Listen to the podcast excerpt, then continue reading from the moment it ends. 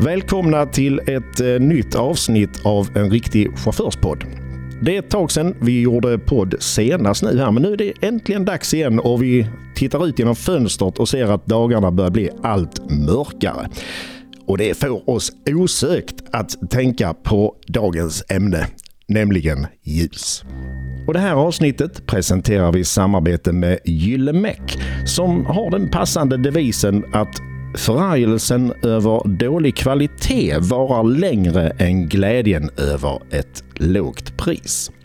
Jag heter Göran Rosengren och jag har tagit mig till Bangatan i Åstorp och till ett företag som kan allt om det som lyser på ett fordon. Vid min sida har jag tre personer. Vi har Magnus Henriksson som faktiskt har varit med och grundat det här företaget. Eller egentligen, du är pappa till företaget. Kul att ha dig här. Tack så du ha Göran. Hos dig själv. Kul att ha dig här också. Tack så hjärtligt. Och vid din sida sitter My Svensson. Kul Ja. att träffas. Tack. Och mitt emot er sitter Robin Burle. Yes.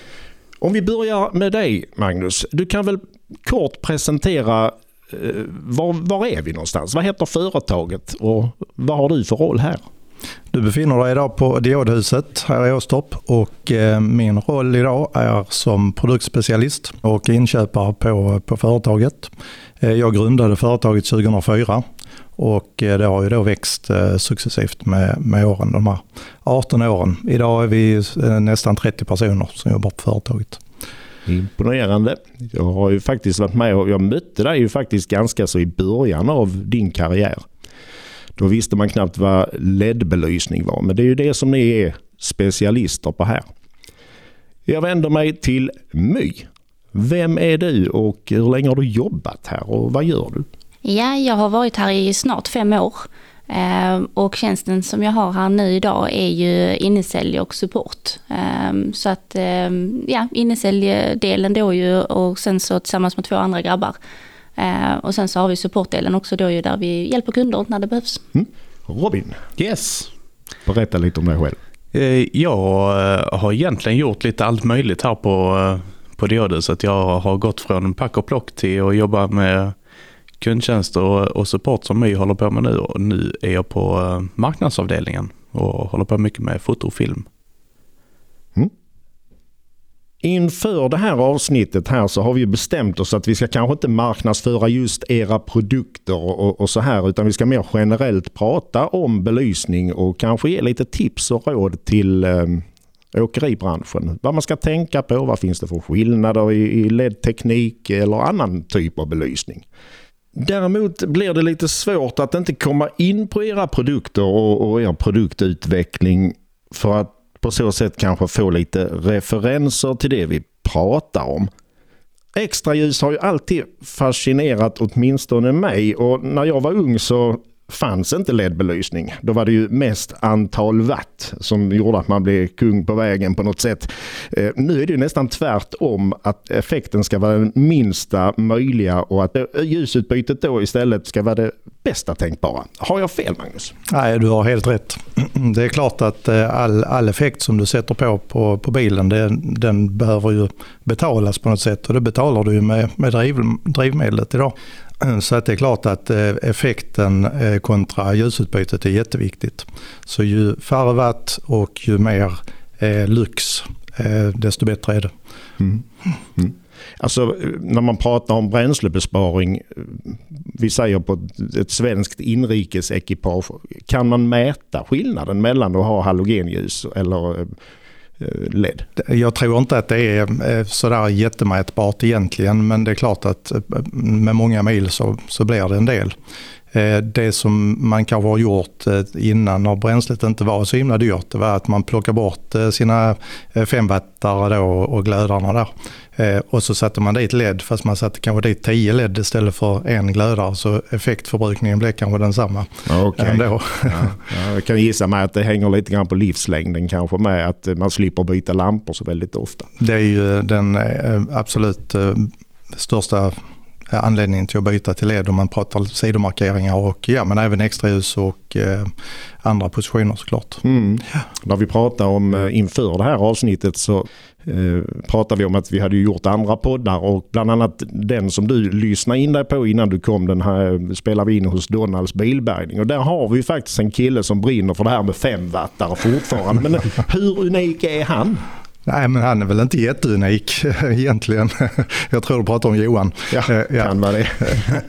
Nej, men där finns ett gäng ju och bara för att vi heter Diodhuset så betyder det inte att vi bara säljer LED. För vi har faktiskt också eh, en hel del som passar för eh, de här killarna och tjejerna som gillar glödare. Mm. Mm. Så det finns, om man pratar torpedlampor så där man kan sätta 5 wattare i istället för att man har LED-varianten och så vidare. Mm. Du berättade att eh, ni är ett 30-tal eh, anställda här på företaget. I mina öron så låter det ju faktiskt stort. Och det, det lite grann pekar kanske på populariteten på de här produkterna på något sätt. Men om jag intresserad av att köpa en extra ljusramp eller någonting annat som ska lysa på min bil och surfar på nätet så, så ser jag ju att priserna eh, varierar ju väldigt. Om vi pratar om extra ljus till exempel. Varför är det så? Alltså varför är skillnaden så stor i pris? Kanske... Ja, eh, mycket beror på kvalitet i komponenter. Eh, och samt ljusutbyte och, och vad man får ut av extraljuset. Mm. Eh, är väl egentligen den stora, stora prisskillnaden. Prestanda och, och kvalitet. Mm. Och kvalitet, då kommer vi kanske in lite grann på din avdelning här My. Eh, får du många samtal om, om eh, den här typen av frågor? Att man har kanske investerat i, i eh, en extra ljusramp, vi säger från någon butik i Kina till exempel. Om Och man, man är tveksam till att om man ska köpa en produkt av er som då har ett betydligt högre pris. Eh, får du den typen av frågor? Var, varför ska jag betala mer pengar? Ja, absolut. Det kommer ju då och då eh, från kunderna, absolut. Eh, och där hjälper vi ju kunderna att se för och nackdelar med det liksom, i så fall så att de vet vad de ska välja. Um, och det är precis som Robin sa här då, liksom, beroende på, det är inte så lätt för kunderna alltid att svara på vad det är de har hittat på nätet. Eh, och vilka värde det är på saker och ting, liksom just gällande komponenterna. Så där hjälper vi dem att titta på detta då, just så att de vet att de köper rätt produkt för sig och sitt fordon helt enkelt. Mm. Om vi tänker på själva dioden, den här lilla, lilla eh, ljuspunkten eh, som sitter och lyser upp tillvaron för oss. Vad skiljer en bra och en dålig diod? Man kan väl säga för låt säga en eh, 7-8 år sedan så fanns det nästan bara ett märke som, eh, som var någonting att ha och det var en Creediod från, eh, från USA. Det skulle alla ha på, på, på allt. Eh, Osram utvecklade en, en ny diod som, eh, som också funkar väldigt bra. Eh, men i takt med nu lite komponentbrist och annat så har man faktiskt eh, lyckats eh, få tag på andra marken som faktiskt också lever upp till en väldigt hög kvalitet och ett bra ljusutbyte. Så eh, det finns lite andra varianter idag. Tittar man sen under dioden, vilket inte har så liten betydelse egentligen, så tittar vi på ett kretskort som man tänker att ja men vad spelar det för roll hur ett kretskort ser ut? Dioden är ju jätteviktig såklart men för att dioden ska kunna fungera bra så behöver den en god kylning. Den behöver en, en eh, tillgång till eh, ström eh, ordentligt och då är det ju koppar som är det absolut bästa materialet. Tittar man då på de här lite billigare varianterna på till exempel extrahus och ledramper så är det sällan koppar man har i kretskorten där utan man använder lite andra material. Eh, någon typ av legering som kanske då inte funkar riktigt lika bra. Man får inte bort värmen lika mycket vilket gör att livslängden på dioden förkortas avsevärt. Så att eh, just att, eh, att bara titta på, på själva dioden som, som komponent är, är lite felaktigt utan man behöver också titta på de andra komponenterna runt omkring. Du nämner eh, Cree som ett, ett eh, fabrikat. Eh, men jag vet inte, är jag ute och cyklar, men finns det inte olika kvaliteter även av Cree? Jag tror att ja, man pratar ju om att det fanns 20-30 olika eh, nivåer på, ja. på Cree. Och, och de, de gradar ju från A till nästan ner till, till Z på, på dioderna. Så det som vi väljer att stoppa i våra produkter det är alltid en A-diod. Okay. Alltid den bästa. Det kan man vara säker på, alltså, även om man köper en billigare produkt hos er så, att, så är det ändå en AD-diod. Ja, mm. det, det, ska alltid vara den bästa komponenten som går i produkterna. Vi prutar aldrig på, på priset på en komponent för det är så lite pengar det rör sig om. Eh, det är klart att när man plussar på, plussar på, plussar på så blir det ju totalt sett mycket. Men att, att prisa in sig har aldrig varit vår modell utan vi har alltid velat value for money och eh, att det ska vara en bra kvalitet. Vi vill inte att MÖJ och supportgänget ska bli nerringda hela dagarna. Det var det om själva dioden. Den funkar ju lite annorlunda jämfört med en glödtrådslampa. Mm. Eh, och den tekniken ska vi kanske inte gå in på riktigt här men eh, den är väl inte alldeles enkel egentligen. Men eh, man kan väl i alla fall i korta drag säga att det handlar om elektroner som rör sig inuti dioden. och ju mer effekt man tillför elektronen ju längre ut i de här skikten, skalen i dioden tar sig elektronen och sen så levererar den, eh, eh, omvandlar ju energin till en foton.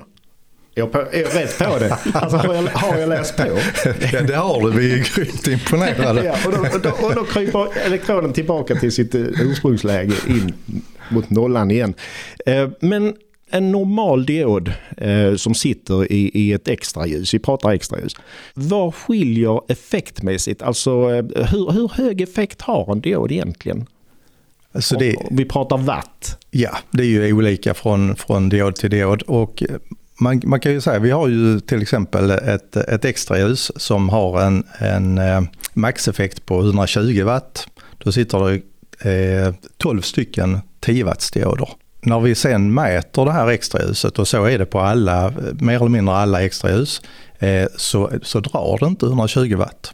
Utan det kanske drar 100 watt eller 105 watt eller att det ligger i den häraden. Och det är för att man vill aldrig gå och utnyttja maximal effekt av dioden eftersom då går den sönder mycket fortare. Okay. Eh, därav eh, gör man det. Sen finns det ytterligare en komponent som, som vi har i våra produkter. Det är att man har en temperaturkontrollant som sitter och känner av eh, temperaturen på kretskortet. När den märker av att oj då, nu har det här extraljuset varit igång väldigt länge och det är väldigt varmt ute och då måste jag dra ner effekten för att inte dioderna ska, ska ta skada. Så att då fejdar man ner ljuset. Detta är knappt märkbart för, för den som sitter och kör och det händer egentligen bara vid de här tillfällena när det är väldigt varmt. Mm. Men, men då kan du alltså få maximalt ljusutbyte eh, utan att, eh, att skada dioden. Okej, okay. men ni har AD-order säger ni. Hur ofta är det att du får samtal med om att eh, eh, en sån här diod har slocknat eller börjat flimra eller bära sig konstigt åt?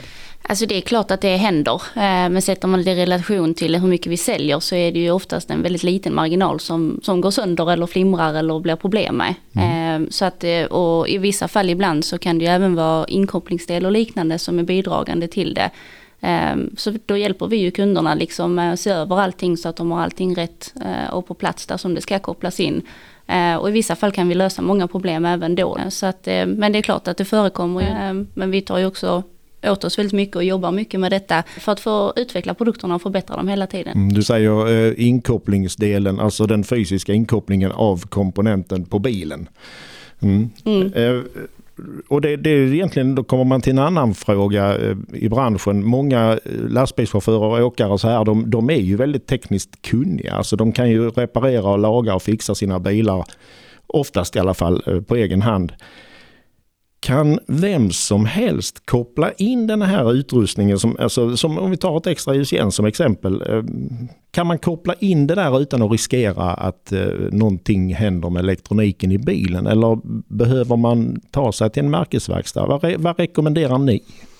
Jag tror att har man inte tummen mitt i handen och, och kan tänka något logiskt så, så klarar egentligen vem som helst att koppla in, uh, mm. uh, koppla in ett extrahus. Men det är ju väldigt uh, beroende från bil till bil. Så, så det gäller att man har lite koll på hur man kan koppla in på just den bilen. En bil som har ett halogen helljus så är det extremt enkelt att koppla in. Men börjar man komma över på, på LED och xenon, att, att man har LED och xenonstrålkastare så kan det bli mer komplicerat. Att hur, man, hur då till exempel? Eh, för då jobbar man mer med, med kan och linsignaler eh, i, eh, i bilen och den skickar bara en puls som berättar när heliset ska sättas igång. Och då har man ingen konstant 12 volt signal som berättar för reläet att extrahuset ska startas. Så då måste man plocka ut den signalen på ett annat sätt. Och då Okej. använder man eh, eh, campusboxar för att eh, plocka ut den signalen så man får en konstant 12 volts Och en. Cambusbox, om vi bara precis kort ska berätta, vad är det? Eh, Det är eh, ja, en liten box där man går in i bilens CAN-system. Där man kopplar in sig på två. Alltså själva datorn i bilen. Ja, precis. Eh, Och det, det finns ju egentligen olika varianter på detta. Vi pratade ju innan, innan vi startade om just XBB-dongel. Där man bara pluggar in i, i OBD-uttaget och sen har man trådlös överföring till reläet. Och det är ju extremt enkelt. Det, det klarar vilken person som helst att koppla in. Men du pratar ju dioder så det är i alla fall viktigt att hålla reda på plus och minus för den släpper ju bara igenom ström på ett håll va? Ja, egentligen så behöver du inte hålla koll på någonting för det, vi har färdiga kablage där Aha. du bara pluggar i reläet Okej. och pluggar i, i, i extrahuset. Så, Mm. så allting är egentligen färdigt och det är det som är, är bra med, med en komplett lösning som, som vi har här. Att, att det, det ska vara enkelt för, Mm. för vem som helst att koppla in. Man, man behöver hålla rätt på att röd är plus på batteriet och svart är minus på batteriet. Det är väl i princip Precis. de grejerna man behöver kunna. Mm. Mm. Om vi backar tillbaka till eh, eh, de här kinesiska butikerna, VS Diodhuset. Då. Eh, kan, kan det vara så att en billig LED-belysning kan på något sätt påverka fordon? Alltså kan, det, kan det förstöra någonting? Ska, ska man ha det lite bakom örat? Kan det få några effekter på fordonets elektronik i övrigt? Absolut kan det det. Eh, och det har vi sett många fall där, där man till exempel kopplar in en LED bromsljuslampa och så trycker man på bromsen så har man bränt en styrbox. Oj. Så, så det, absolut kan det, kan det bli fel. Då blir den billiga eh, lampan ganska dyr där lät det som. Sen, Ja. har, sen har du ju med EMC också, alltså radiostörningar är ju inte, alltså det blir väl mindre och mindre vanligt i alla fall, men eh, när vi började med till exempel LED-ramper, eh, då hade vi ju, alltså då hade vi lite bekymmer med det här och eh, fick ju jobba. Men då är det ju det här återigen med ECE-godkännande, att man använder sig av godkända produkter. Eh, ECE R10 till exempel är ju då en, en, ett godkännande för just radiostörningar. Att den kommer inte att ge några störningar i radion eller på annan elektronisk utrustning i bilen. Så, så har man den märkningen eh, på R10 då så är den alltså OK att använda ur ett eh, eh, magnetfältsperspektiv. Men kan man alltså uteslutande säger det att en, en billig LED-belysning från ja, Kina är, är sämre än en, en dyr här hos er? Eller hos någon av era konkurrenter? Det är svårt att veta det, och det finns garanterat bra grejer att köpa från kinesiska hemsidor. Men där är ingen som har gjort de här kvalitetskontrollerna som man vet ju inte. Det, det är väl mest det som är den största, det största problemet. att Ovissheten och sen supporten om någonting skulle hända. Mm. Det, det, det tror jag är, är den största faktorerna till att man, man ska köpa från någon som har gjort de här kontrollerna. Man vet att man har stöd bakom sig när, man, när någonting skulle gå fel. Mm. Mm. Och om det går fel då så, så har man garantier för detta. Men eh, hur, hur är det då till exempel? Låt säga att en, en produkt jag har köpt av en butik i Sverige eh, skulle ställa till det med till exempel eh, databoxen i bilen. Går säljföretaget in då och, och ersätter även den biten? Eller hur funkar det? Det har kanske aldrig hänt men, men rent hypotetiskt. Alltså, eh, jag vet ju inte hur andra säljföretag gör men självklart eh, så är vi ju med där. Eh, skulle vår produkt ha orsakat en skada på en bil så är det, råder det inga tveksamheter utan att vi går in och, och tar den kostnaden. Det har vi ju försäkringar som täcker om det skulle vara stora kostnader och så vidare. Okej. Mm.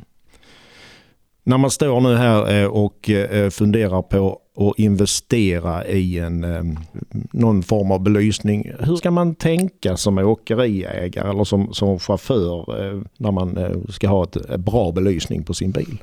Jag tycker man ska kolla på nyttan av belysningen. Vad ska man ha den till? Och vad behöver jag själv?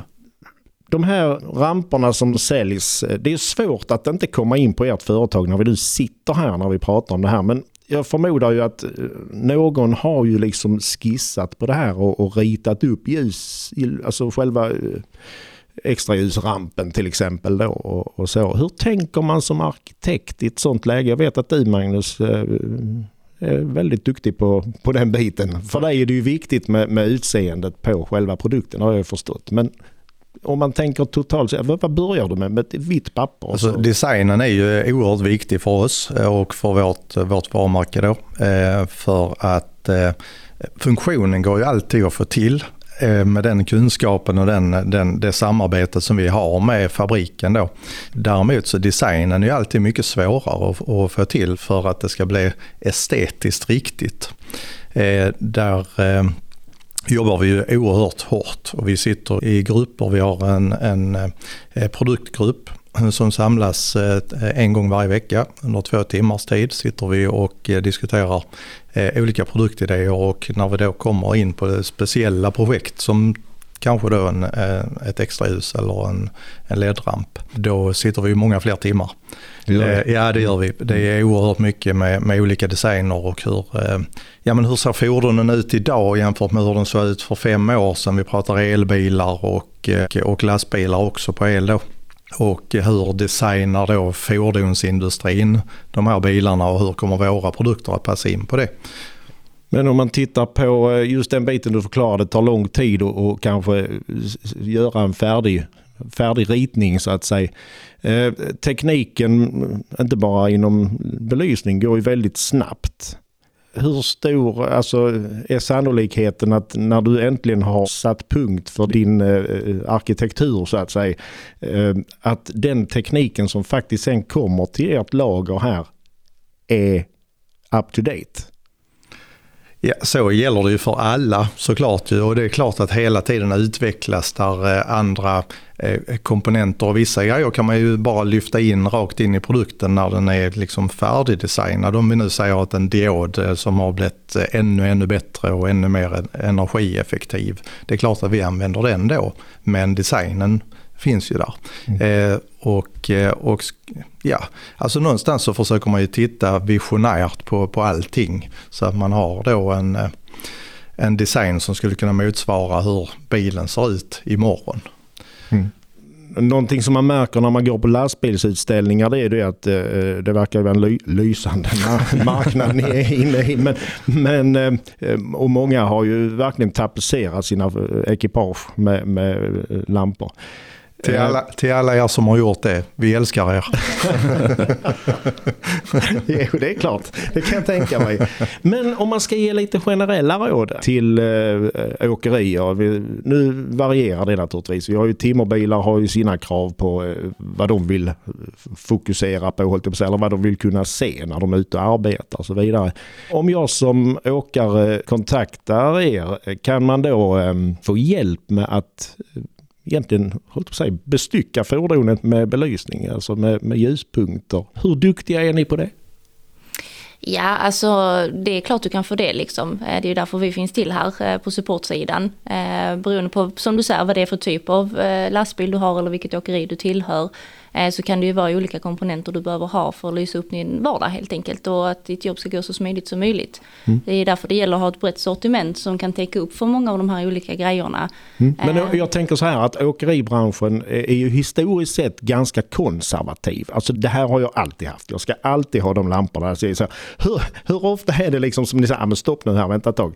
Eh, nu, nu, handlar du över dina eh, behov egentligen. Alltså händer det att ni säger, nej men skippa de där, ta de här istället och sätt dem där så behöver du inte ha tre lampor där. Va? Absolut, det gör vi ju definitivt. Det, de ska ju få valuta för pengarna liksom så att säga. Va? Så det gör vi ju. Eh, det ska ju vara rätt produkter på rätt plats. Eh, och tillräckligt mycket ljus som Robin var inne på innan för det som krävs. Eh, så att vi har ju olika rekommendationer beroende på vad de söker för någonting. Sen är det såklart alltid upp till kunden i slutändan vad de vill ha för någonting. Liksom, va? Men mm. Vi hjälper dem jättemycket och guidar dem på den biten. Mm. Man kan ju ta ett exempel om, eh, beroende på, på vilken typ av fordon, men om du ska ha en arbetsbelysning som lyser eh, väldigt brett eller du behöver ha liksom på, på två håll, då skulle vi kunna erbjuda dem en eh, arbetsbelysning som har vinklat, som lyser åt tre håll egentligen då. Som du kan sätta en istället för att sätta två eller tre, mm. som får lika bred ljusbild som, som två stycken hade fått annars. Mm. Det ger ju då en besparing såklart på kabeldragningar och, och annat. Mm. Eh, om man pratar energieffektivitet så eh, av den energin som man, man stoppar in i en LED-lampa så har man en, eh, 30 40 procentigt utbyte. Eh, vad kallar man det? Energieffektivitet? Eller vad, vad, kallas det? Bra fråga.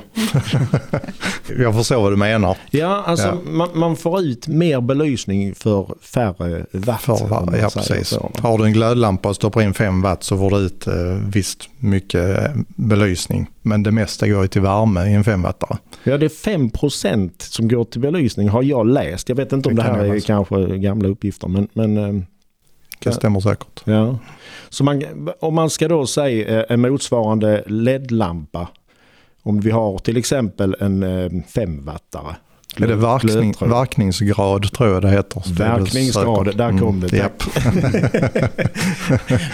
hur, hur eh, om, jag, om jag ska ersätta en 5-wattare med någonting som lyser, eh, ger, avger lika mycket ljus som LED. Hur många watt kommer jag upp i då? Jag kommer kanske inte ens upp i en watt. Nej, jag skulle säga mellan 0,3 och 0,5 watt. Mm. Eh, så har du en 5-wattare. Mm. Så att Tio, tio, gånger mindre har ju varit eh, en gammal egentligen som har hängt med i många år och den är ju ännu mer effektiv idag. Mm. Så, att, så tar du dem som arbetsbelysningar till exempel som, som idag skulle kunna motsvara en, en ja, 35, 50, ja men kanske en 50 watts halogenstrålkastare så kanske den drar 4-5 watt skulle jag säga. Det är så pass stor mm. skillnad. Ja, det ja. eh, också historiskt sett så har man ju alltid pratat om just watt. Är, är det fortfarande ett, ett, ett bra mått så att säga? Eller ska man prata i andra termer? Jag tänker lumen eller... Eh... Alltså prata i watt är ganska ointressant eftersom jämför du två arbetsbelysningar eller extraljus så kan du ha två stycken som är på 120 watt extraljus. Men vad är det som är viktigt för dig? Jo, det som är viktigt för mig som kör i 90 km i timmen det är att jag ska se ungefär 500 meter framåt. Men jag vill också kunna se lite ut i skogen så att jag ser om det kommer en älg eller ett rådjur.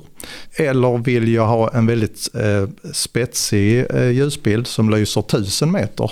Eh, men då kanske jag inte ser så mycket ut i vägrenen. Så att där, och det är ju där eh, Möjo och, eh, och de andra grabbarna hjälper kunden att, att hitta just det här extra ljuset eller ledrampen som passar just för den typen av körning som man har. Mm. Och då är, då är det egentligen Lux vi pratar. Bra. Det, det är det vi tycker om att prata med våra kunder. Mm. För, Vad är skillnaden mellan Lux och Lumen? Lumen är ju ljusflödet hur mycket ljus dioden lämnar iväg. Men du kan ha en LED-ramp som har 100 000 lumen som lyser kanske 20 meter framför bilen. Sen kan du ha en med hälften av lumenvärdet som lyser dubbelt så långt. Eller tio gånger så långt. Okay. Så det är egentligen dioden tillsammans med reflektorn som bestämmer hur ljuset beter sig. Och det enda egentligen mätbara sättet är genom lux då. Hur långt det lyser vid en lux. En lux, då kan du läsa en dagstidning. Mm. Eh, det är ju ett normalt mått och eh, en lux är ju då det ljus, eh, ljusutbytet du har på en kvadratmeter. Och när vi då mäter en lux, då mäter vi det liksom hur många meter bort ifrån fordonet kan jag läsa en dagstidning. Mm. Och du har ju inte mycket nytta av att läsa den tusen meter bort för jag tror inte du kan se dagstidningen bara. men, men, det är lite så vi mäter i alla fall. Eh, och då får du en mycket bättre bild. Okej, okay, hur långt lyser det här extrahuset? Mm. För att, att, ha 10 000 lumen eller 50 000 lumen. Eh, Det är nog en 6, 7, 8 år sedan som vi hade någonting som vi kallade i branschen för Lumen-racet. Där man den ene bjöd över den andra och det var teoretiska lumen och det var faktiska lumen. Ett teoretiskt lumen, då räknar man ut vad skulle den här dioden egentligen kunna ge eh, om allting, om vi bortser ifrån eh, strömförluster och, och annat då. Eh, men sen det faktiska lumen då, då är det uppmätt i en sån här fotosfär kallas det. En, en ljusbubbla som man mäter allt, allt ljus som kommer ut från dioden. Mm. Är det så, eh, vi har ju haft glödtrådslamporna och vi har nu LED-lamporna. Men är, har LED-tekniken, eh, liksom, har, den, har den utvecklingen snart nått vägs ände? Går det att få mer, eh, mer ut ur en diod idag? Eller sen, om några dagar.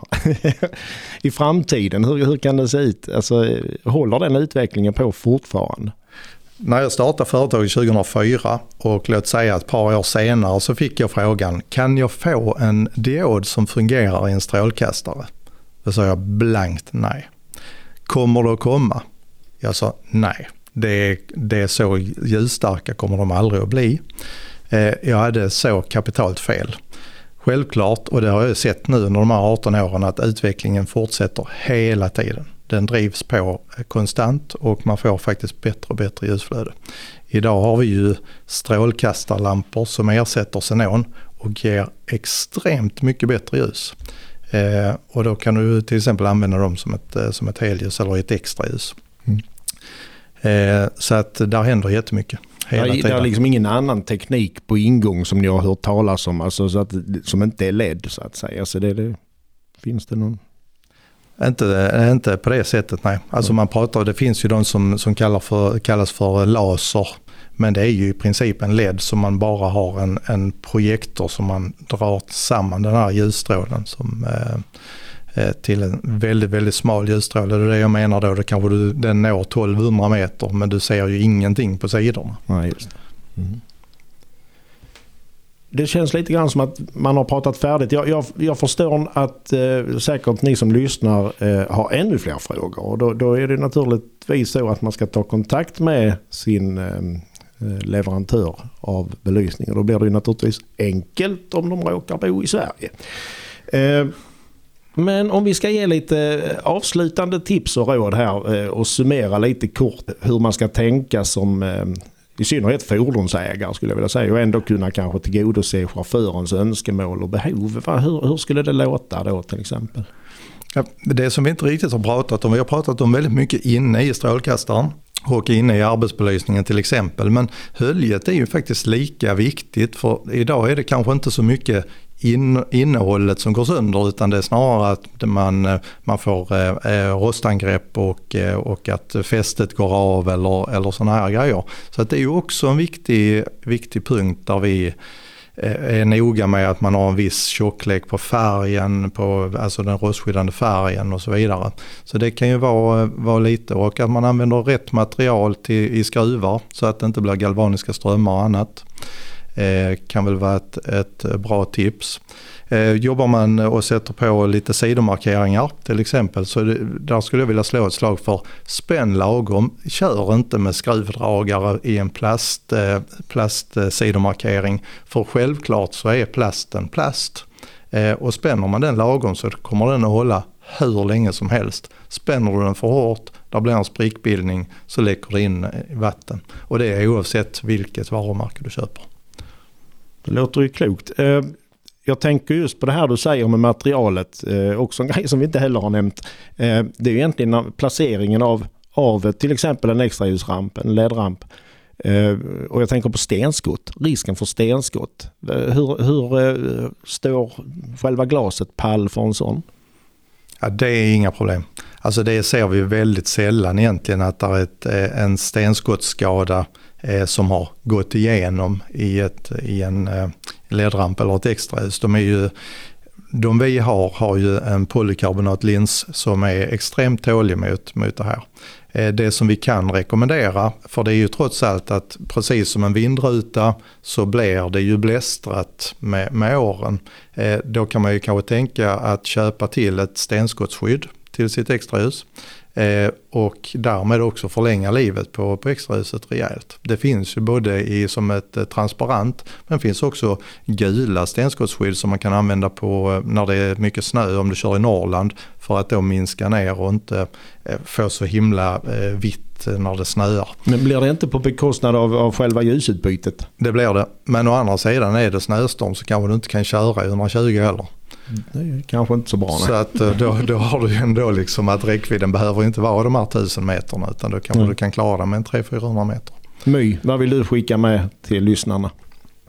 Ja men att, eh, som jag varit inne lite på innan, tänka till på vad man vill ha för någonting och vad det ska användas till. Och eh, prata med någon som kan det innan så att de vet om att de får rätt grejer eh, till bra pris. Eh, det, det, skulle jag verkligen rekommendera de mm. flesta. Mm. Robin? Väldigt bra fråga. Kolla på smarta lösningar. Till exempel på en XBB dongel och, och liknande. Så det är så otroligt enkelt att installera så, så, så vem som helst klarar av det. Så smarta lösningar skulle jag vilja. Du menar att till och med jag hade klarat det? Definitivt. Vi kan testa efter. Eh. Jag har lärt mig mycket nytt idag och jag hoppas att även ni som har lyssnat har samma känsla. Innan vi avslutar så vill vi självklart också tacka Gyllemek som vi har spelat in det här avsnittet i samarbete med. Ett företag som har den i sammanhanget passande devisen att förargelsen över dålig kvalitet varar längre än glädjen över ett lågt pris. Det kan vi ta med oss i framtiden. Tack så mycket för att jag fick komma hit till er idag och till er som har lyssnat. Kör försiktigt, inte minst nu i mörkret här, även om ni kanske råkar ha världens bästa ljusramper på era fordon. Tack, Tack så mycket. mycket. Tack. Tack.